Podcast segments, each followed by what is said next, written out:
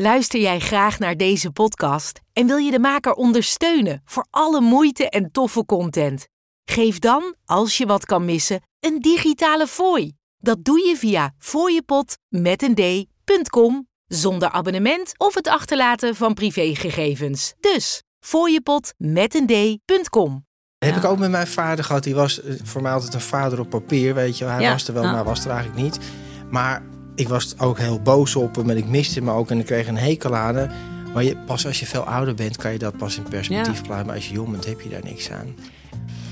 En hoe Eh, heeft zij, zij gebruikt het niet? Ja, zij gebruikt ook. Oh, zij ja. gebruikt ja, het ook. zij Ik wou zeggen, ook. want hoe heeft zij Ja, dat? zij heeft mij leren kennen. Zij, Ja. zij, was zo nieuwsgierig. En na, na een hele tijd heb ik, heb ik gewoon toegestaan dat zij ook gebruikt. Dus daar heb ik een heel groot eh, aandeel. En ja, zij is ook blijven gebruiken toen. Toen ik toen laat ik op was gestaan, dacht ik, oh, dat is. Heel Vervolgens kreeg ik, eh, een tijd later kreeg ik allemaal spastische trekken. En mijn lichaam gaf dingen aan. Ik denk, dit gaat niet goed. Als ik nou niks doe, dan, dan is het waarschijnlijk over een maandje of acht hoor ik zes keer tik, tik, tik, tik. En dan het kistje dicht. Als je dacht, nou die René van Kolm, die heeft echt een hele lange verslaving van 30 jaar achter de rug. Nou, dan heb ik nieuws voor je, want mijn gast vandaag, die heeft zelfs 35 jaar van actieve verslaving achter de rug. En vandaag is hij mijn gast, Luciano. En hij is ook nog een keer 7,5 jaar in herstel van zijn verslaving. Hoe is het mogelijk om na 35 jaar van een serieuze, keiharde drugsverslaving toch in herstel te komen? Lieve mensen, welkom bij een nieuwe aflevering van de podcast van Verslaving naar Vrijheid. Mijn naam is René van Kolm. Heel fijn dat je kijkt en luistert. Vandaag gaan we het hebben weer, zoals altijd, over verslaving, maar vooral over het herstelfenomeen. Wat dat inhoudt en dat dat zelfs mogelijk is na jaren van verslaving. Ik weet nog dat ze tegen mij zeiden, mijn verslavingsarts destijds zei van nou, als je langer dan 15, 20 jaar in een verslaving zit, dan kom je er eigenlijk nooit meer uit. Nou, hier zitten twee levende bewijzen dat dat absoluut mogelijk is. En daarom ben ik heel blij om jouw verhaal eh, te horen vandaag. En, maar begin even bij het begin. Je hebt een waanzinnig mooie naam. Misschien kun je hem zelf uitspreken. Mijn naam is Luciano Maffiscioli del Castellato. Kijk, En ik ben verslaafd. Dat bedoel ik. En als je zegt ik ben verslaafd, want heel veel mensen begrijpen dat nog steeds niet. Dat verslaving is iets wat blijft, maar je bent in herstel van je verslaving. Je gebruikt niet meer. Nee, ik kan ook zeggen ik ben een verslaafde in herstel. Of herstellend verslaafde. Ja. Maar melk heb wel altijd een verslaafd brein natuurlijk. Hè? Ja, Dus dat is wel... eh, Hey, 35, waar, 35 jaar, het Ja. is wat. Hè? is ongelooflijk. Hoe oud ben je als ik vragen mag? 59. Ja, dus dat is langer dan de helft van je leven. Ja, Heb ja. ik snel uitgerekend. Ja. Ja, waanzinnig. Ik vind het een groot voorbeeld. Hè? Want ik zei net al bij de introductie dat ik al hoorde van een verslavingsarts destijds. Als je zo lang aan echte serieuze middelen. En daar hebben wij het over alle Ja. twee. De, de Champions League van de verkeerde middelen hebben we al twee Ja. gedaan. De drugste hierin niet gebruikt, maar die niet. Nee, die niet. Hè? Als het maar niet met de heroïne begint. Nee. Nou, dat hebben wij dus eh, niet zo goed gehoord, dat stukje. Nee. En, maar dan toch eruit komen, dat is ook wel een wonder. Want er zijn niet heel veel mensen die dat gedaan hebben wat jij hebt gedaan. En daar nog zo uit zijn gekomen. En zelfs Nee. andere mensen nu helpen. Maar als we helemaal teruggaan naar jouw verhaal. En ehm, even naar het begin. Ik wil eigenlijk, om maar gelijk met de deur in huis te vallen. De eerste keer dat jij gebruikte. Wat voor middel was dat en wat deed het met je? Eh, mijn allereerste ervaring waren laagdrempelige alcohol. Dat was op vakantie met mijn familie. En toen liet mijn vader mij... eh, ik, ik bleef daar een beetje voor doorzeuren dat ik ook wel een cola tik wou. Hoe En oud was je toen? Dan was ik denk ik een jaar of elf. Zo, toen was ik met een vakantie en mijn moeder die wilde absoluut niet. Mijn vader vond dat grappig en toen had hij me er eentje gegeven. Die bij ik natuurlijk al gelijk merkte. Toen vroeg hij of ik er nog een wou. Ik zeg, nou nee, jawel. Dus toen werd ik moest ik er drie drinken. Waardoor ik vervolgens kruipend naar huis, naar het hotel ben gegaan. En hij zich helemaal de schumpjes heeft gelachen. Helemaal, helemaal dubbel lag. Ehm, toen leek dat heel leuk, weet je. Maar, maar het heeft wel denk ik iets gedaan met, eh, met mij. Daarna ben ik... eh, met mijn 14e, 15 ben ik met softdrugs begonnen. Dat heb ik eigenlijk een relatief korte periode gedaan, omdat ik daar schijnbaar. Ik ben achteraf achter gekomen, ik ben psychosegevoelig. Dus door softdrugs kwam ik, eh, kwam ik in psychoses terecht. En die hebben mij destijds zo beangstigd, op een heel diep niveau in mijn hoofd. Dat ik dacht van, nee, dit, dit moet ik niet doen. Dat is heel bizar hoor. Dit moet ik niet doen, want eh, dan kom ik in het gekhuis terecht. Ja. Om vervolgens met, eh, met begin 16 heroïne te gaan gebruiken. Logische stap, maar niet heus. Maar goed, zo gaan dingen toch. Ja. Maar wat, wat deed eh, dan heroïne in dit geval? Wat deed dat met je? Want ik weet nog de eerste keer dat ik echt gebruikte, was ik ook dezelfde leeftijd, zo Ja. 16 jaar. Toen had ik wel zoiets, ik had gewoon 16 klote jaren achter de rug. Met thuis en allemaal gedoe. Ja. En nou ja, dat hoor ik straks ook graag van jou. Maar de eerste keer dat ik gebruikte, was het wel zoiets van: wauw, zo wil ik me altijd voelen. En zo, alles viel op zijn plek en Ja. je rust en dat zen-gevoel. Ja. En hoe was dat bij jou? Nou, de eerste keer was voor mij, en ik, dat, ik blijf dat altijd halen, dat is heel raar geweest. Ehm, ik was toen met een jongen en, en wij waren toen een beetje aan het experimenteren. Ik was er heel bang voor. En toen gingen we een keer echt, toen gingen, gingen het echt proberen. En toen zegt hij tegen mij zo, eh, Luus, Luus zegt hij, als die, als, die, als die doop goed is, weet je hoe je dat weet? Ik zei, nee, want ik, hè, dan moet je overgeven. Dus ik ging roken met hem en ik, moest, ik, ik, ik werd helemaal warm. Eh, alles ging goed. Ik werd super relaxed. Ik denk, oh, dit voel... En toen moest ik overgeven. Wat heel onnatuurlijk was. En ik heb daarna eens heel vaak zitten denken... als die nou niet tegen mij had gezegd... dat dat bij de, de kwaliteit van drugs hoorde... dan had, had ik waarschijnlijk gedacht... hé, van dit spul ga ik overgeven. Dit moet ik niet meer doen, dat is niet gezond. Maar omdat hij mij zei dat het goed was... dacht ik van, dit is klasse spul. Maar dat, dat, dat, dat eromheen, dat, dit van, ik hoef nergens meer aan te denken, ik voel niks, ik ben zo ver weg van alles wat er om me heen gebeurt. Niks was meer van mij. Maar dan ook letterlijk niks meer. Hè? Dus dat, dat, eh, Maar niks, niks waar je last van had. nee, ja, Nee. het maakt hem allemaal niks uit. En, en toen dat. was dat heel fijn en toen voelde dat heel goed. Op de lange termijn natuurlijk, ja, gaat, dit, gaat dit jouw leven, de- sowieso heroïne trekt heel snel in. Hè? Dan is Ja. het... eh, ja, dat is een van de, van de meest klote drugs die er op dat wat dat betreft toen was in die tijd. Mhm. Ja, Ja. in die tijd, ja. In die tijd. En als we teruggaan, hè, je was dan een jaar of 16 en dat is ook mijn leeftijd waar ik het ook eh, iets ouder, 17, voor het eerst leerde kennen. Maar hoe zag jouw jeugd uit jouw gezin van herkomst? Hoe was het thuis? Ehm, mijn mijn eh, jeugdstuk, ik kom uit een Indisch gezin. Dus dan zit, dan zit je al met eh, twee culturen. Ik ben heel erg Indisch opgevoed de eerste tien jaar. De eerste acht jaar was ik enig kind. Mijn vader werkte heel veel, was veel aan het werk. Mijn moeder was een... eh, mijn vader is best wel een sturende, controlerende man. Mijn moeder is een heel passieve vrouw. Ik was enig kind, ehm, ehm, acht jaar lang. Dus, dus toen ging het wel alleen om mij. Alleen ze waren nooit echt met mij in, in contact, zeg maar. Wij verhuisden in die tijd heel veel. Dus ik heb heel veel eh, verschillende woonlocaties gehad, waardoor ik een soort. eh, denk ik, als ik er nu terugkijk, een soort hechtingsprobleem heb on- ontwikkeld. Je. Niet in mijn, met mijn ouders. En met acht jaar werd mijn zusje geboren. Ja. Dus ik was acht jaar ouder als mijn zusje. Dus dan heb je eigenlijk twee generaties. En dan 15 jaar later wordt mijn tweede zusje geboren. Dus dan zit je met een gezin van drie kinderen die eigenlijk compleet. Dus ergens heb ik een. En door het vele verhuizen ben, heb ik ergens een hele eenzame jeugd gehad. En uiteindelijk zijn wij in ehm Venlo terechtgekomen. en daar kwam ik. Ik ben heel beschermd opgevoed in een soort Indische, Indische omgeving. Ja, En toen wij terugkwamen naar om een verhuizing en zo in Venlo, toen zijn wij, kwamen wij in een volksbuurt te wonen. Dat is ook waar ik dialect heb geleerd. En ehm, ja, daar is eigenlijk een beetje mijn, mijn, mijn jeugddingen ontstaan van op straat spelen. En wat ik voornamelijk deed toen, wat ik ontdekte, was spanning zoeken. Aandacht van mijn vader, want die bevestiging van mijn vader, die, die was, dat was iets, want er werd heel veel van mij verwacht als oudste zoon. dus er was veel druk op jou. als Ja, ja je ik mocht Ja. niks fout doen. Hè. Als ik wat fout deed, kreeg ik klappen. Maar als ik wat goed deed, ja, dan werd dat eigenlijk nooit, nooit benoemd. Maar, maar de, je kreeg echt fysieke klappen gewoon. ik heb, als- ja, mijn vader die kon, wel, die kon wel een uithaal doen. Ja. Ja. Dus eh, mijn moeder is ook, ook op tot latere leeftijd. Die moest wel reageren. Hoe heb je dat dan beleefd? Want vaak hoor ik ook mensen zeggen die een soort jeugd hebben gehad. Ja, dat is dan normaal, daar sta je niet bij stil. Stond jij erbij stil? Of? Nee, dus het, het, was ook, het was gewoon zo, zo was het. En, Ja, en zo zag mijn opa was. Mijn vader had dezelfde angst voor mijn opa's. Die, hij creëerde mij voor hem. Ja, ja zo, ik- zo gaat dat. Zo ging dat ja. van generatie op generatie. En ik zag dat in al mijn, allemaal mijn omgeving, alle Indische mensen waar mijn jongens mee omging. Ja, die hadden allemaal die, die, die, die heel zwart-witte cultuur. Hè? Dus Ook wel heel hard eigenlijk. ja, maar da- daar stond ook nooit tegenover dat er een arm om je heen kwam. Dus, dus, dus daar, daar heb ik heel erg veel gemist, zeg maar. Een gesprek. Ik weet nog dat mijn vader een keer bij voetballen kwam kijken... en de jongens wisten dat ik niet zo goed kon voetballen. Dus die zorgde dat ik drie golen maakte. En ik zag hem, kijk, het was, hij was eigenlijk de enige daar. En bij de derde goal keek ik om, want ik had drie golen gemaakt. Was hij weg.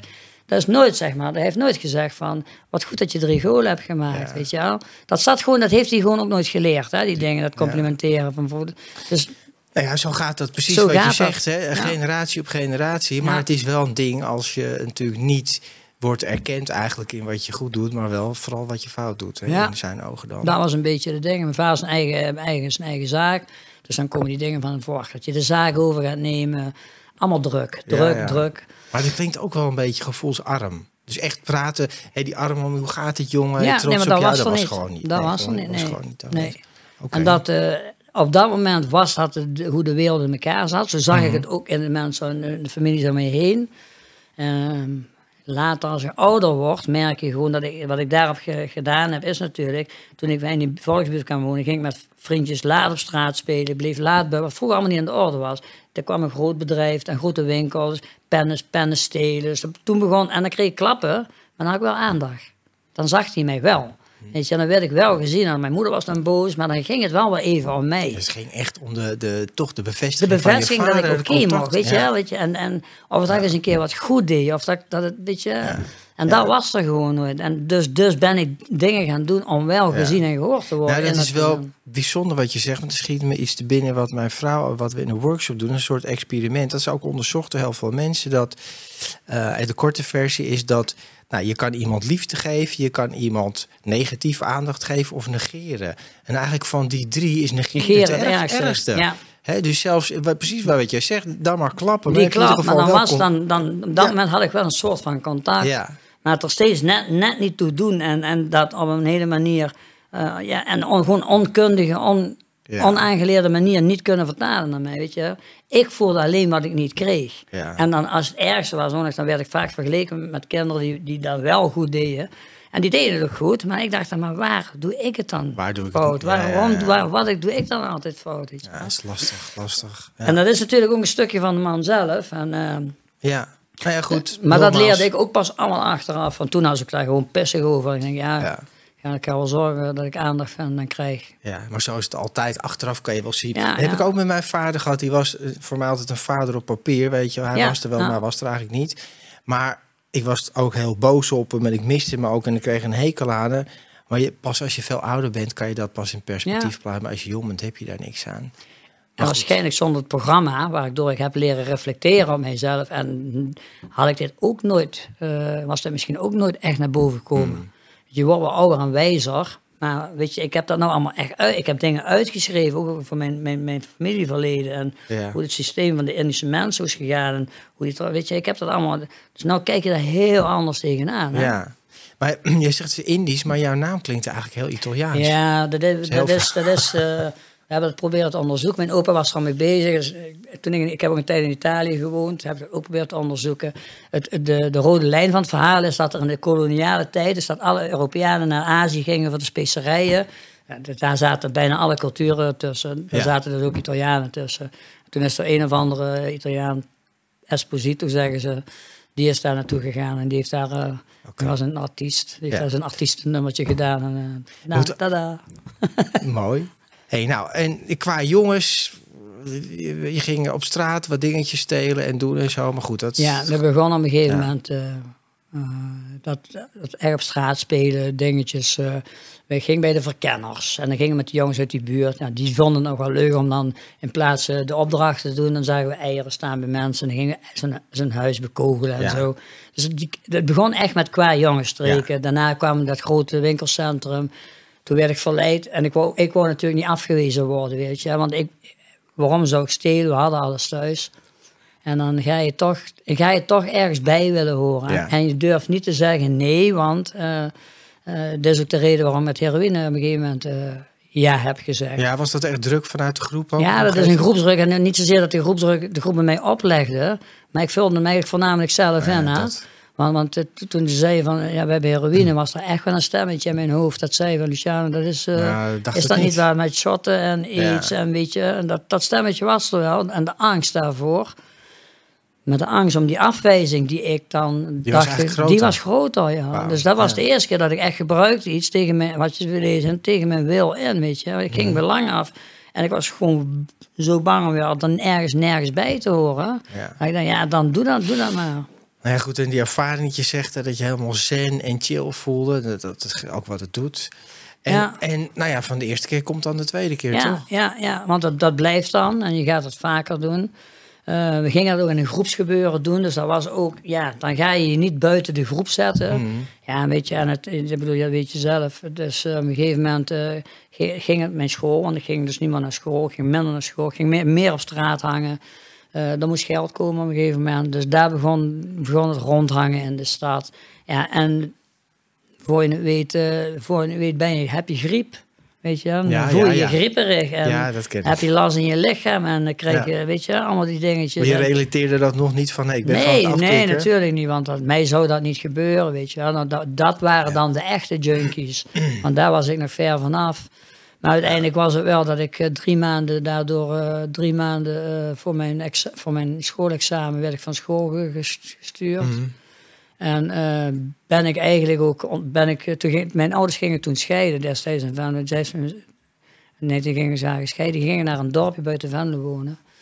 En toen ehm, bleef ik dus, moest ik elke keer met de bus naar school. Dus toen, toen ben ik eigenlijk om het weekend ging ik in de stad. Dan bleef ik, bleef ik het hele weekend daar, want ik, ik moest naar huis s'avonds. Ja. Dus mijn vader, die kreeg, om de week mocht ik, kon ik dan op stap. Want ik, ja, ik was 15, 16, 15. En, en dan één week was ik thuis, weet je wel. Want dan moest ik, had ik straf. Dus op een gegeven moment, daar begon mijn ontsporing ook echt. Ja. Weet je, dat ik echt... eh, En merkten jouw eh, ouders dat je drugs gebruikte? ja, mijn moeder die had Ja. dat gelijk door. Oké, Eh, ze, wat- mer- ze merkte net als ik dan s'avonds thuis kwam en dan ging ik naar de wc en dan stond ik drie en drie uur op de wc.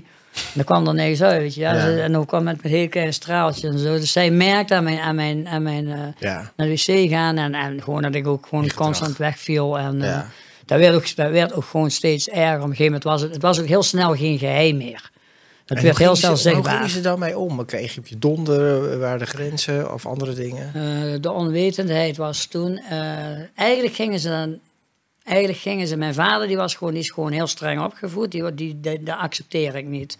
Dus daar kreeg ik gewoon klap als ik niet thuis was. Dan kregen we dat was ruzie en allemaal dat dingen. Eh, en mijn moeder was vooral eh, machteloos. Daar zag ik daar. Als ik daar nou naar terugkijk. Ja. eh, die probeerde alleen maar te redden, te demmen. En mijn moeder is ook een hele goede, was een hele goede, maar wel heel naïeve vrouw. Want daar regelde ik, als ik geen geld had, dan ging ik met haar kaart spelen. En dan wist zij gewoon dat geld nodig had om de stad te gaan, liet ze mij winnen. Ergens ook onbewust weet ze natuurlijk dat ik in de stad ook drugs gebruik. Maar, Ja, toch. maar Ja. toch, toch daarin toegeven, weet je. Mijn moeder is absoluut geen harde vrouw. Mijn vader die was er wat concreter in toen ik op een gegeven moment eh, regelmatig wegbleef. En toen ging hij zich er zo... En ik belde of mijn moeder s'nachts om twee uur op, kom mij halen. En dat of deed ik bleef ze. weg. En die deed dat dan. Ja. Hè? Dus daar was hij dan ook wel een paar... Dus die zei een, keer, op een gegeven moment dan ook tegen mij... Weet je, ik, ik, het, is, eh, het is goed geweest. Als jij zo graag eh, daar wil zijn, waar jij bent, wherever dat is... Ja. eh, ga maar, ik wil dat je gaat. Dus hij heeft me toen eruit gezet, heeft mij dus uit huis gegooid. Je vader? Ja, ja, hij heeft me op een gegeven moment echt gezegd van uh, die eruit. grens gesteld. Ik ben er ja. klaar, ja. Ja. En ik ben toen bij een eh, familie in Venlo, eh, waar ik met een vriend waar ik heel veel Mhm. kwam. Dat is een Molukse familie. En eh, daar kwam als een kind in huis. En die vingen me eigenlijk op, een zusje daarvan. Daardoor ben ik nooit dakloos geworden. Wel thuisloos, maar nooit dakloos. En daar, bij die familie heb ik heel lang half gewoond, gewoond. En daar is ja. ook heel veel van mijn gebruik. Met een van die broers ben ik ook heel veel in gebruik geweest samen. Die Ja. groep, eh, Het gebruik ging gewoon door. gebruik Ja, ging ja. gewoon door, is nooit minder geworden. Ja. Ik ben toen naar Italië gestuurd. Op een gegeven moment toen mijn vader me weer eh, afhaalde van het politiebureau. En ik zat ook regelmatig vast. Waarom? Stelen? Nou, het begon met kleine dingetjes. eh, zeker in het begin was het Ja. echt... eh, was ik, ja, ik was gewoon, eh, was gewoon een junkie. En, en destijds was het straatbeeld ook eh, wat ze nu als junkie noemen. Soms hoor ik dat wel eens mensen zeggen. En denk Ja. ja. weet je... eh, Ik ken dat heel anders. Wij waren een groep die constant aanwezig was in de stad. Ja. En die echt wel een soort vlek over de stad waren, Ja. weet je. En ehm, ja, dat had je vroeger sowieso natuurlijk veel meer. Omdat jij zat dan in Venlo, ik zat in Amsterdam, de Zeedijk. En niet omdat Ja. het nou heel leuk was. Maar toen had je geen mobieltjes, internet, Nee, niks. Dus je nee. moest op straat mensen gaan zoeken Ja. om te gebruiken en te, en te dealen. Ja. En, dus dat was En wij zaten aan de grens, dus wij kregen heel veel Duitse toeristen. Dus wij stonden de bussen op te wachten, het station. Deal ook. Dealen, dealen. Ja. Nou, in het begin was het voor mij vooral, want ik was gewoon, ik begon als junkie en ik nergens geen weet van. Maar ik wou wel een keer mijn doop hebben, maar dat moest wel hè. Ja. Dus ik, ik zat al heel vroeg in het eh, consultatiebureau voor, voor methadon. Dus met mijn 16, 17 zat ik aan de methadon. Daar heb ik ook eh, 30 jaar aan gezeten. Zo. En, ehm, maar dan ging ik daarna, gingen wij wel kijken, wel komen er klanten. En in het begin gingen we husselen, weet je dus Ja. bemiddelen. En, ehm, dat heb ik een hele tijd gedaan, maar dat- toen dacht ik van, wacht even, weet je, dat, dat krijg, je, krijg je maar een beetje. En heel veel werk en heel veel loopwerk. En denk, toen ben ik met mensen gaan praten, dan kan ik niet, eh, kun je me niet wat geven, dan ga ik het zelf verkopen. Ja. Nou, dat is een paar keer goed gegaan en ook een paar keer fout gegaan. Maar zo is het wel gekomen dat ik dacht van, weet je, ik probeer steeds een stapje hoger op te komen. En uiteindelijk is dat ook eh, behoorlijk wel opgelopen. Tot echt wel dealen, ja. Tot serieus dealen. Tot echt wel serieus dealen. Ja. Dus eh, Ja, en hoe zag je leven er dan uit? Dealen? En, want had je dan een relatie? Of... ik heb, een ehm, ja, ik heb toen ik eh 17 was, kreeg ik een relatie met een Molux meisje uit de wijk in Venlo. Hoe oud was je met dat dealen? Want 15, 16, 17, 17 dat is in die tijd geweest. Toen, rende ik nog op straat. nog een hè. kind, toch? 17, 18, ja. ja. 17, 18. Maar, maar ik, ik rende wel altijd met, met een groep oudere jongens mee. Ja, ja. En, en die hadden coffeeshops. En dus ik zat eigenlijk wel een beetje in die Mhm. beweging. Alleen was dat toen nog wel, maar je moet wel van de heroïne afblijven. Dus dat was een stiekeme factor toen. En, ehm, maar op een gegeven moment ben ik eh, daar een meisje tegengekomen. Die tijd heeft mijn vader mij naar Italië gestuurd, omdat ik weer vast zat. Daar heb ik zes maanden gewoon in gewerkt. Maar ook daar had ik zo een heroïnejunk te pakken en een co-dealer. En ehm, toen ben ik teruggekomen en toen eh, zou ik eigenlijk naar Amerika zijn gegaan. Dan heb ik een visum gekregen van Amerika. Want ik had in Italië mensen leren kennen die wouden mij doorhelpen. Mhm. Dan zou ik naar Amerika zijn gegaan. En die, en die vier maanden dat ik eh, in, in Venlo was terug, in Venlo, vier en een half, vijf maanden. Eh, de dag dat mijn visum binnenkwam, kwam mijn vriendin thuis en was ze vier en een halve maand zwanger. Mm. Eh, heb ik een hele mooie brief geschreven naar Amerika, waar ik een heel verantwoordelijk verhaal over ouderschap en vaderschap en dit en dat. Ja, ja. Ik heb niet één dag minder gebruikt, ja.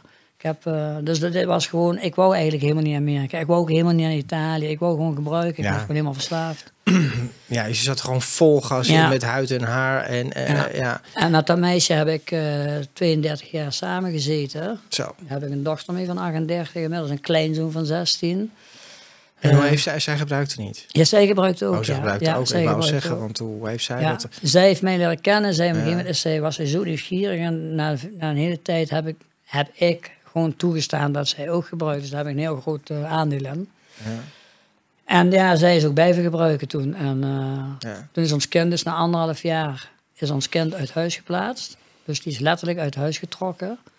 En wij hebben daar, zij heeft toen eh, met via een rechtszaak gezorgd dat mijn dochter terug kan komen. Maar toen moest ze, opgro moest ze eh, opgroeien bij de oma. Dus die is bij de Ja. oma opgegroeid. Wel in, gelukkig in een gezins. Dus die is nooit uit, naar een heel pleeggezin eh, situatie gegaan. Dus dat was wel een soort, daar mag ik eigenlijk heel dankbaar voor zijn. Dat, mijn dochter wel altijd in mijn leven is geweest. En wij zijn eigenlijk van dat moment een pad van verkopen opgegaan. En eh, 32 jaar samengezeten, waarin ook uit elkaar, bij elkaar, heel veel dingen. Ja, ja. Ja, goed, Ja, dat kan nooit goed gaan. nee, dat gebeurt dan zoveel, Ja. heel veel. Er zijn zoveel dingen gebeurd. En toen kun je een film niet eens dus, eh, beschrijven. Weet je. Dramatisch eigenlijk allemaal. En ja, en- Overleven. ja overleven. Overleven. Steeds overleven. steeds weer iets Ja. anders overleven. Ja, ja. weet je, en, en ik kan me, ik praat nu even tegen de mensen, ik kan me voorstellen dat je dan denkt, ja, maar dat is hè, wat je alleen maar in films ziet en hè, weet je, en echt, eh, ja, maar toch is het wel zo. Er zijn natuurlijk heel veel verslaafde ouders die ook kinderen hebben. En, en jij was dan, eh, en ik, de echte junkies. Maar tegenwoordig is het natuurlijk, eh, waar ik werk in de jeugdkliniek, zijn zoveel jongeren die, hè, want er was heroïne, dat is wat ergste Ja, wat is. ja. Maar al die andere dingen zijn allemaal net zo erg. En verslaving is verslaving. En, eh, en, en het gaat alle kanten op, behalve de goede kant. Ja. En alles is te bestellen, te krijgen. WhatsApp, eh, e-mail, eh, Facebook. Je kan het overal krijgen. Het is gewoon op Facebook, ja, op, op e-mail aangeboden. Hè. Dat is Ja, echt, eh, e-mail, WhatsApp groepen. Ja. Ja.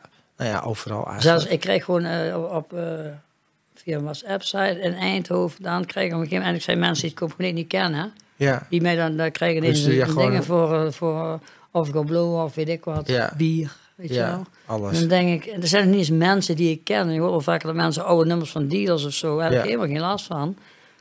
Maar mensen die ik helemaal niet ken, ja. Dan denk ik van, maar hoe dan? Ja, ja, ik- Nou, dat is echt je- bijzonder. Ja, is echt bijzonder. Weet je, maar goed, dat lijkt. Ik kan me voorstellen als mensen luisteren of kijken die denken, ja, maar het is zo'n verhaal dat. Dat is natuurlijk wat de, de, de gemiddelde verslaafde. Ja, maar dat is zo'n gozer als jij bent, dat ben ik niet. Weet je wel, ik ben, veel, ik ben een veel betere verslaafde of ik ben helemaal niet verslaafd. Had jij wel echt door van, nou, ik heb echt een vet probleem? Eh, ik, ik, ik zat aan de heroïne. Ja, dus Snap je? Dus, dus daar hoefde ik al heel lang niet. Ik ben ook de eerste meeting binnengekomen. Ik, het soort dat ontkennen, dat, dat kon ik. Dat, dat was, Nee, dat je die niet. fe- dat feestje was voorbij.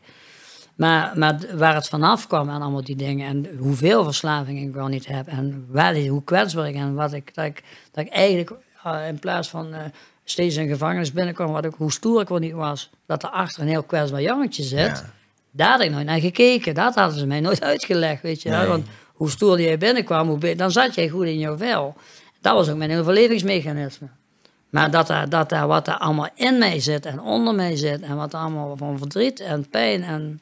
Ja, en, en dat zat er al in. En door het gebruiken komt er nog Ja. veel meer bij. Er komt er nog veel meer bij. En dat was natuurlijk een manier om of te versterken. Dus dan was ik gezellig of stoer, bla bla. Ja. Of ik hoefde niks te voelen.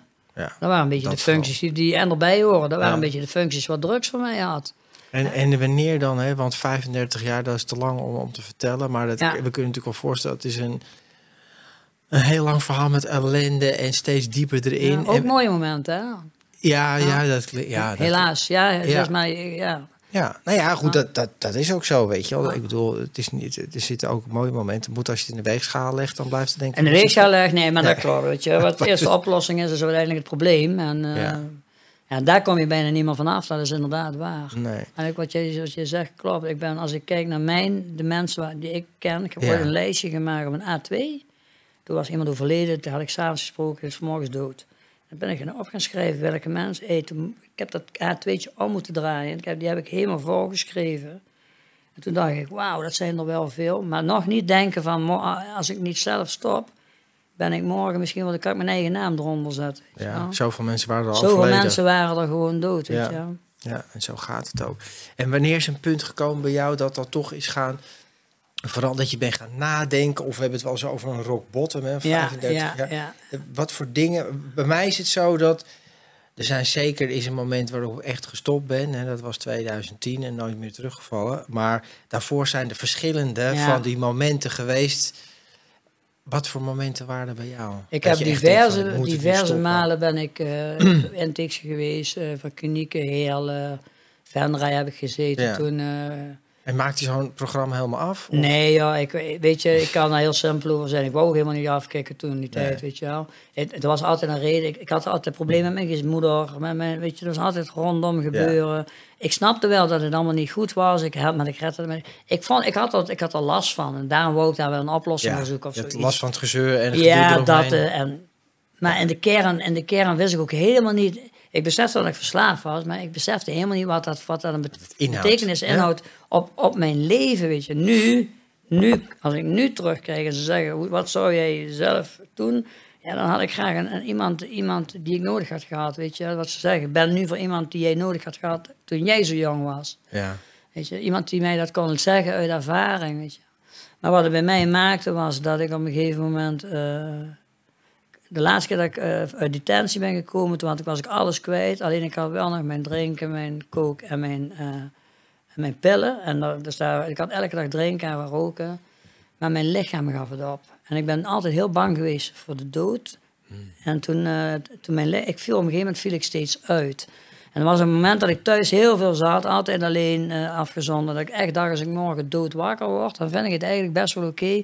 want waarom ben ik eigenlijk überhaupt deze wereld gekomen? Ik snap dat niet, ik ben daarover gaan denken. Maar waar ik erg op een gegeven moment van geschrokken ben, is dat ik steeds uitviel. Dus mijn lichaam gaf dat ik- En wat bedoel je met ik- uitvallen? in mijn lichaam, hè? Mijn lichaam, ik viel dan zat, ik stond rechtop. En, en ik, ik weet dat mijn ogen stonden zo. Dus maar ik zeg, maar kijk naar jou en ik Ja. zie ineens zie ik dit zo gebeuren. En ik weet, stom is dat ik nog weet dat ik halverwege dacht, dit is niet goed. Nee. En vervolgens eh, opstond en... eh, Je viel gewoon om. ik viel gewoon om, maar ik viel dus letterlijk met de ogen zo, je dit, echt dit beeld zo. En dat ik opstond en, dat ik opstond en, en gewoon doorging met gebruiken en drinken. Alleen daarna was ik aan het denken, hoe laat ben ik eigenlijk gevallen? Dat wist ik niet. Dus ik wist ook niet hoe laat ik op was gestaan. En dacht ik, oh, dat is akelig. Heel- Vervolgens kreeg ik, eh, een tijd later kreeg ik allemaal spastische trekken en mijn lichaam gaf dingen aan. Ik denk, dit gaat niet goed. Als ik nou niks doe, dan, dan is het waarschijnlijk over een maandje of acht hoor ik zes keer tik, tik, tik, tik en het kistje dicht. En daar, daar werd ik een beetje... Dat, vond- echt zo de dood zo dichtbij ja, kwam? ik dacht echt, dit kan nooit lang goed gaan. Als ik nou, als ik nou niks doe, Nee. want het ging steeds vaker. Ik ben drie keer opgenomen geweest, operatie met dingen. Had paas gelegen, dat zijn vier dagen helemaal van het padje. En dat ik echt dacht van, dit gaat, dit gaat zo de foute kant uit. Als ik nu niks doe, dan is het einde oefening. En eh, Ja. dat, dat, dat was heel raar, want na 35 jaar structureel dagelijks eh suïcide plegen, weet je. Eh, toen echt twee seconden voor twaalf was, dacht ik echt van, ah, dat wil ik toch eigenlijk niet. En Want je toen- wilde toch niet, je wilde toch blijven leven. ik wilde, ja, ik wilde toch. nee, Wat ik wilde in ieder geval niet dood. is- Nee, ja, wat bijzonder is, want ja, als je, als je jouw leven hoort, was het nou niet dat je zegt leuk. Nee, maar ik wist ook nooit beter. Ik heb Nee, nooit een, referentiekader gehad. Enige wel, wat ik dan zag, dat vrienden die, eh, die gingen werken inderdaad. Dus de referent- referentiekaders die ik zag, die waren voor mij daar, het enige wat ik dacht, dat haal ik nooit. Want die had een opleiding, die had dit gedaan. Het enige Ja, wat ik dacht, dat haal ik nooit. Nou, dat was ook al zo, zo demotiverend. Dat ik dacht, en het enige wat ik kan, ja, is met criminaliteit geld verdienen. Ja. En het ging een tijd ging het ook best wel goed met verkopen en allemaal die dingen. ik is had een dikke allemaal- auto, weet je, dus dat was allemaal goed. Maar het was ook allemaal zo weg. Ja, zo Toen het fout ging, weet je wel. En ben je toen gestopt toen je echt dacht van nou, het is nu of, of Toen dit of ik ben er niet meer? eh, toen ben ik, heb ik een vriend ingelegd van mij en mijn moeder heb ik ingelegd. En toen ben ik eh, alle klinieken in Nederland afgegaan, tot in Duitsland eh, ben ik geweest. En nergens namen ze mij aan. En ik, maar ik heb dat bewust tegen niemand gezegd. En waarom ik, namen ze je niet aan? Eh, of het was toen te ver weg. Eh, ik ik eh, kwam ergens binnen met ge- gewapend en ze vroegen naar mijn verleden. En toen zei, Ja, ja. vroegen ze daarna, toen zei ja, we vinden je toch niet in de groep passen. Dat Nee. snap ik achteraf ook wel. Maar het was te ver weg, het was dit, het was dat. En Ja, weet je, je bent ook dan gewoon te moeilijk geval voor hun, denk ik. Te zwaar geval. De kans op herstel is minim. Eigenlijk is die er niet. Ik denk, er wordt toch niks. Ze, ze zullen, ja, ze zullen, dat zou best, daar heb ik eigenlijk helemaal nooit eens naar gevraagd, Nee. als ik heel eerlijk moet zijn. En ehm, Maar uiteindelijk is dat toch dat het ergens ge- kwartje nou, gevallen. uiteindelijk werd ik, eh, werd ik in een, eh, bij een organisatie in Os, eh, die wou mij dan detoxen. Dat is de organisatie waar ik later ook nog voor gewerkt heb, dat is wel grappig. Die wou mij detoxen, maar dan moest ik de nabehandeling in Venlo doen.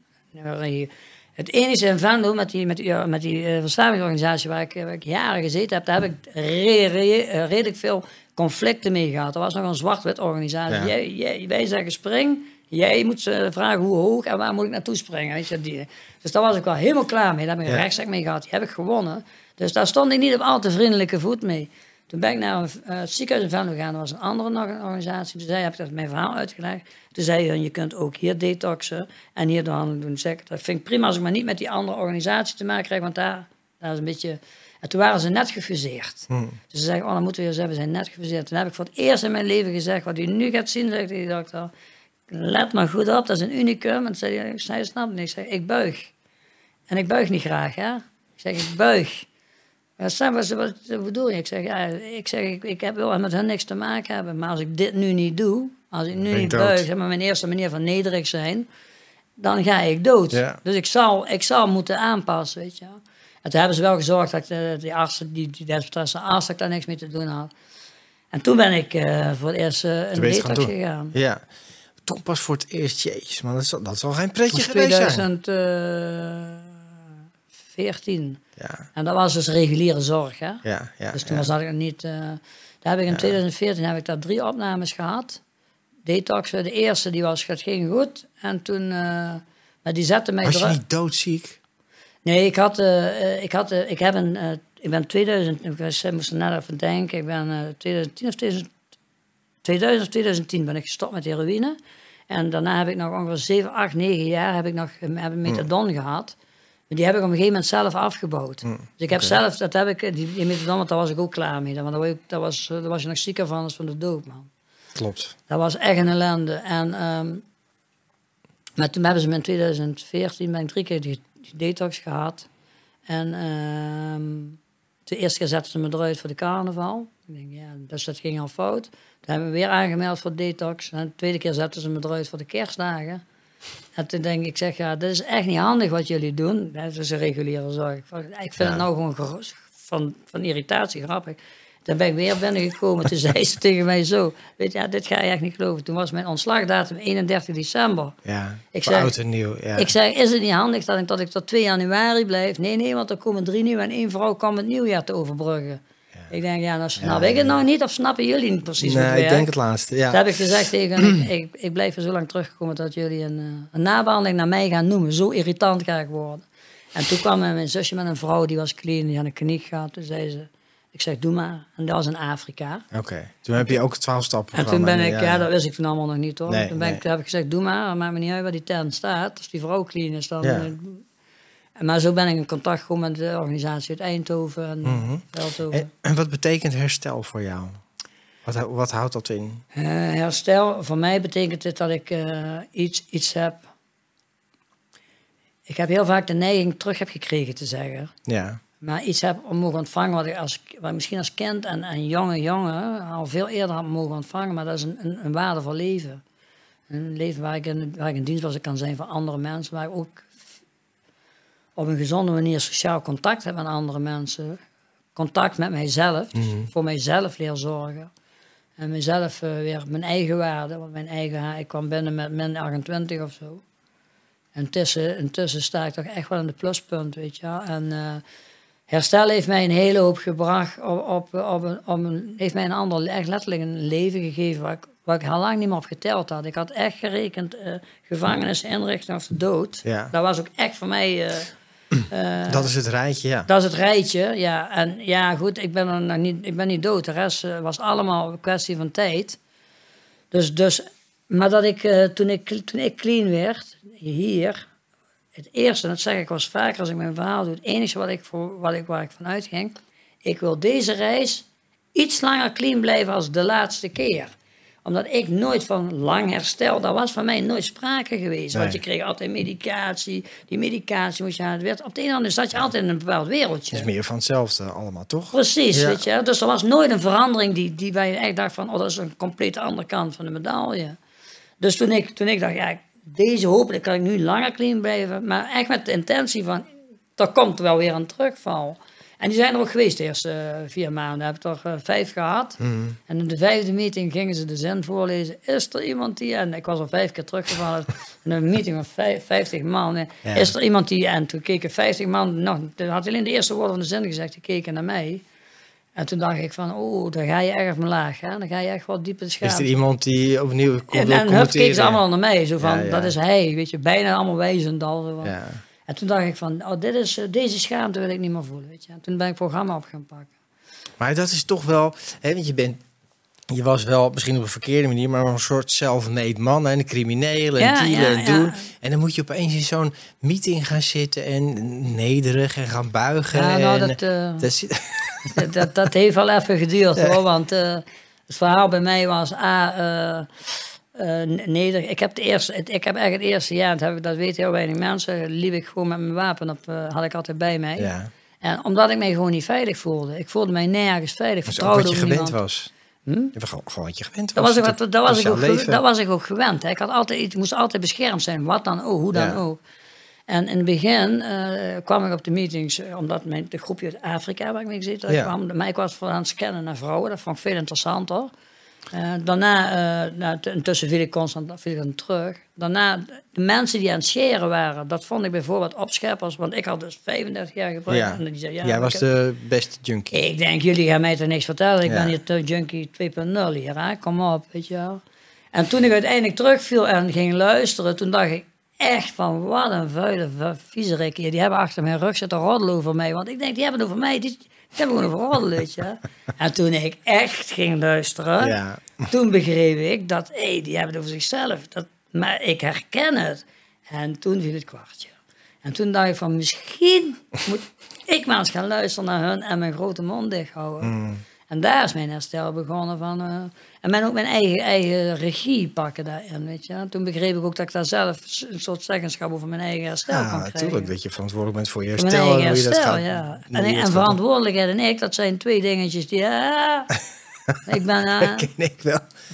ja, ja, nou ja, dat was natuurlijk. eh, Dat, dat, dat dacht ik vroeger ook altijd. En dat vond ik dan heel slim van mezelf. Ik dacht, er zijn wel regels, maar die gelden niet voor mij. nee, nee, nee. En ik, ik, kan altijd zo van die subregeltjes zelf verzinnen, waar het Ja. altijd zo goed kan. Maar dat is ook, hè, daar noem ik het ook vaak de ziekte van ego. Of het is eigenlijk gewoon een ego-aandoening. Hè? Ook dat, hè, dat, dat hele verslavingsstuk. Ja, dat is ook voor die verslaving, weet je. Dat is een overleving. Maar ik, uiteindelijk heb ik daar verkeerde denkpatronen en verkeerd gedrag... eh, Hmm. eh, heb, ik, heb ik in mij opgenomen. Dat, dat heeft toen even geholpen. Maar dat ben ik mijn hele leven... Ik dacht dat dat voor de rest van mijn leven zo... En, Ja. en mijn volwassen dingen ook. Dus ik, ik, wat ik als kind deed, dat deed ik als een volwassene ook, weet je wel. Mhm. Ja, en, en dan ga je tegen mensen... Ik zeg ook altijd, ik heb eigenlijk maar één probleem. Dat, dat ben ik echt zelf. Ja, nou ja, dat is het. Ik vertel even de mensen die kijken, als je dit herkent van, ik heb maar één probleem, dat ben ik zelf. En dat uitzicht in verslaving en dat niet voelen, al die dingen die we doen. Uh, als je dat, like deze video en of als je luistert op je favoriete podcast eh, app, eh, deel het met anderen. En, want dit is ook weer zo'n verhaal waar mensen herkenning in hebben, maar Ja. ook dat er hoop is. Weet je, en dat stuk waar je bent gaan buigen, dat vind ik wel heel mooi. Want dat is eigenlijk wat herstel is, is toch toegeven dat je het niet, Niet weet, dat weet, je ja. niet lukt, al ben je de grootste eh, spannende gozer die er is. Ik ben letterlijk de huisarts ben. Ik heb gelukkig een hele fijne huisarts. Ben ik, ik, ik, soms doen als dingen, maar ik ben eigenlijk gezegd, help mij, ik weet het niet meer. Ja, dat Toen is ging die man mij helpen. Toen begon het eerste wat ik deed was de hulp aannemen. Dat, dat vond ik, ja, dan gaan we dit, gaan we de ho, ho, ho, ho. Want ik vond daar weer wat van. Ja, en dat is- uiteindelijk heb ik echt dus dat moeten buigen moeten leren. Van, weet je, als ik het niet weet Ja. en iemand biedt iets aan, dan moet ik niet gelijk gaan kijken wat er niet in is. Maar wat kan ik daar wel uithalen? Want Ja. ik was vooral in dat is niet goed, dat is niet goed. Ja, maar dit is zo herkenbaar, weet je, dat hoor ik. Ik ken het zelf van mezelf natuurlijk. Ik deed het op een op subtiele manier. Maar ik hoor het van alle ouders die bij mij komen met, met, met, met jongeren, maar ook, ook allerlei eh, naasten van verslaafden. Hè, er is natuurlijk gewoon geen land met ons te bezeilen. Nee, we nee. weten het allemaal beter en ik, ik wil het wel doen, maar op mijn manier. Ik doe dat wel, maar ik doe dit Ja, niet. ja. Nou, ga zo maar door. De korte dat- bocht, altijd de korte bocht. Ja, en Dat, precies dat is ook wat weg moet. ja. Ja, maar ik vind het echt heel knap en die verbuiging voor jou dat je dat toch hebt kunnen doen. Want hoe langer je in die verkeerde weg zit, hoe moeilijker is het ook om eruit te komen. Ja. Dus, maar je hebt het wel geflikt. En, en eh, nou ja, weet je, zo is het ook. We moeten met onze rug tegen de muur staan of bijna Ja, doodgaan of iets anders. En, eh, en je helpt nu ook andere mensen. Kan je daar iets over vertellen? Ja, ik, eh, ik ben nooit naar school geweest. En ik zie op een gegeven moment... ik, zag mensen vrijwilligerswerk doen in herstel. En ik denk, ja, dat is goed voor jou. Ik denk, ja, je kunt mij de boom in. Ik ga niet voor de kat en kloot werken. Nog niet misschien. Uiteindelijk dacht ik, zag ik die mensen vooruit gaan.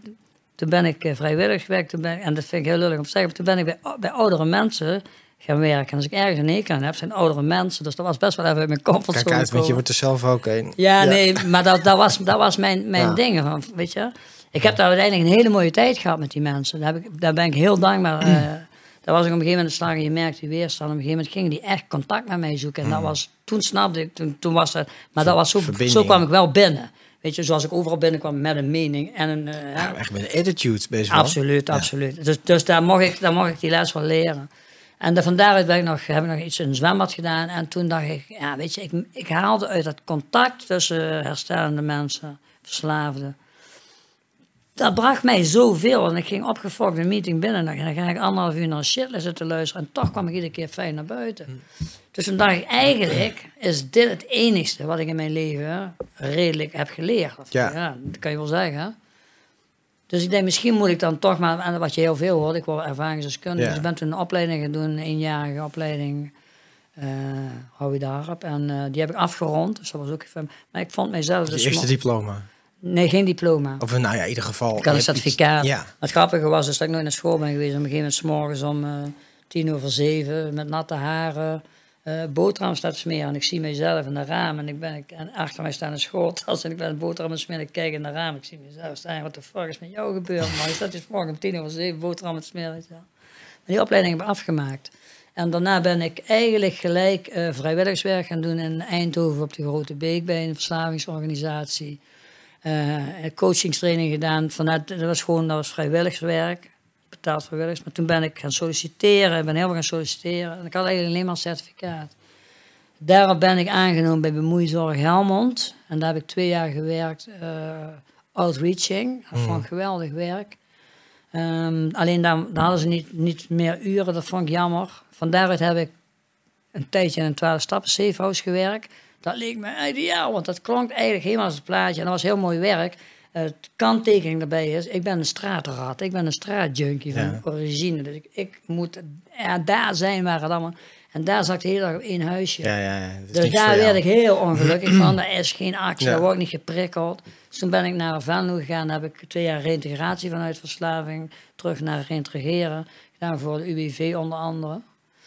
En toen eh, heb ik inmiddels heb ik een opleiding erbij gedaan. eh, Mhm. live coaching, nog wat modules erbij. En ik deed al een tijd eh, in inlopen waar meetings waren. Dat vond ik ook vrij lekker, lekker drempelig werken. En momenteel ondersteun ik eigenlijk vanuit mijn eigen bedrijfje mensen. Ik werk met een praktijkondersteuner samen. De straatarts van Eindhoven werkt direct samen. Ik krijg nou uren bij de dakloze dingen. Mhm. Paar uurtjes. En ik werk voor twee inlopen. Dus Recovery College Eindhoven Ja. en Nijschool in Helmond. Ja, dat is toch fantastisch. Dus eh, ik ben lekker breed bezig. Doe aan het, ik geef op, eh, aan de Fontes met, eh, met Dirk ten Holland doen we de SRH-methodiek. die is in het curriculum opgenomen. Dus die mogen wij geven. Die mag ik dan als gastdocent, verslavingservaringsdeskundige. Mag ik dan de leraar ondersteunen. Dus dat is ook heel van nooit naar school gaan ineens voor de klas staan om, om mensen te leren hoe ze, hoe ze in zorg en welzijn moeten werken. Of in ieder geval hoe, het in de Ja, je bent heel lang naar school geweest. Het was alleen geen klaslokaal. ja, het was. eh, ik, ja. Er zei ook wel eens iemand tegen mij: Ja, maar jij, je hebt geen diploma's en jij dit en dat. Ik zeg: Jongen, als je wil leren, ik wil je wel een zak heroïne geven. Ik zeg: Dan praten we over twee jaar verder. Dan gaan we samen op mijn stoel zitten en dan gaan we eens kijken wat jij dan geleerd hebt. Hoe jij er tegenaan kijkt. Mhm. Dat is mijn opleiding geweest, weet je wel. Ja, weet je, en het is juist mooi, want ja, het is nog niet. Wij komen uit een andere tijd. Ja. Maar ik zei het, het straks al, er is in mijn beleving alleen nog maar meer, veel meer verslaving dan vroeger. Het is veel breder, het is veel jonger. Ja. Er is, gooi je alles door elkaar. Wij gebruikten allemaal net zo slecht, maar één of twee of drie middelen.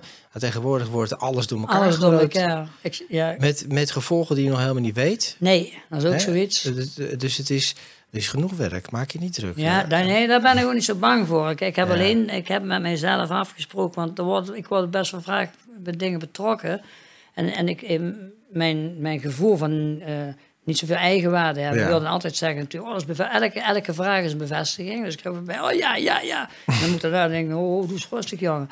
Maar eh, ik heb dus echt voor mijzelf voor, ik ben niet na 35 jaar verslaving clean geworden. En ik wil heel graag met mensen werken, maar ik ben niet clean geworden om dingen te doen die, niet waar ik niet blij van word. Nee, Want dan ga ik doen. weer, dan ga ik Ja. weer dingen doen om bevestiging te krijgen van dingen. Dan komt het, is het op een ander vlak. Ja. ik precies hetzelfde gedrag vertonen. Ja. Dan komen mijn angsten weer dat ik niet goed genoeg ben, afgewezen word. En dan komt er irritatie. Dus ik doe alleen nog dingen, ik, heb, ik doe alleen nog dingen die ik leuk. Ik ben 59. Ik heb geen zin om nou de, de kromme nek te werken. Dat gaan we niet doen. Nee, maar je doet wel heel veel goede dingen om andere mensen te helpen. Ja, dat ik En, ook fijn. weet je, en mensen die bij jou passen komen naar jou toe, zo werkt het gewoon. Ja, dat, is- dat, zie je nou natuurlijk Ja, ook steeds meer. ja. Dat mensen toch ook mensen weer mensen. ver- Al is het maar om te vragen: weet, jij, weet jij of kun jij via die huisarts eh, ben ik bezig met mensen, dat mensen naar klinieken Mhm. bezorgen, toeleiden. En dat is er vaker gelukt. Ja. En elke keer als het lukt, dan denk je van dat is gewoon dat is een, dat is een kers op de taart. Ja, precies. een, eh, Ja, je mag het ook nu omdraaien. Ja. Dus je kan nu mensen helpen in herstel. Ja. We, hebben, we hebben eerst onszelf en anderen ook meegeholpen de verkeerde kant op. Dus Ja. hoe mooi is dat? Ja, ja, ja, Ja. ja, mooi. dus ik ben eh, een, een dankbare verslaving in herstel inmiddels. Ja, mooi. Mooi, hartstikke goed. Stom is dat zonder, zonder mijn verslaving dit pad ook nooit had gevonden. Dat is heel raar. Nee, maar zo gaat het. Ja. Zonder mijn verslaving had ik dit ook niet gedaan. Dus, uh, maar zo werkt het allemaal. Hey, en als laatste vind ik toch nog wel even om te vragen... wat zou jouw boodschap zijn aan de naasten van een verslaving? Dus aan ouders of partners of zelfs kinderen van een verslaafde ouder. Wat is nou een... als je nou in één zin kan zeggen... dat is nou echt een goed advies? Ja, dan ga ik in contact met, uh, met mensen die daar erva echt ervaring mee hebben. Weet je... Uh, dus niet probeert zelf thuis op nee, te lossen? Nee, echt.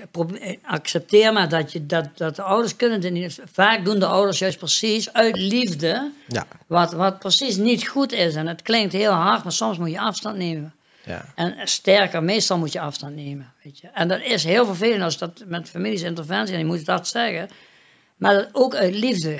Doe dit, dit, alles gebeurt uit liefde. Hè. Ook dat je je kind wegstuurt, als je het goed aanpakt, Mm. doe je dat uit liefde. Maar dat Ja, komt mooi.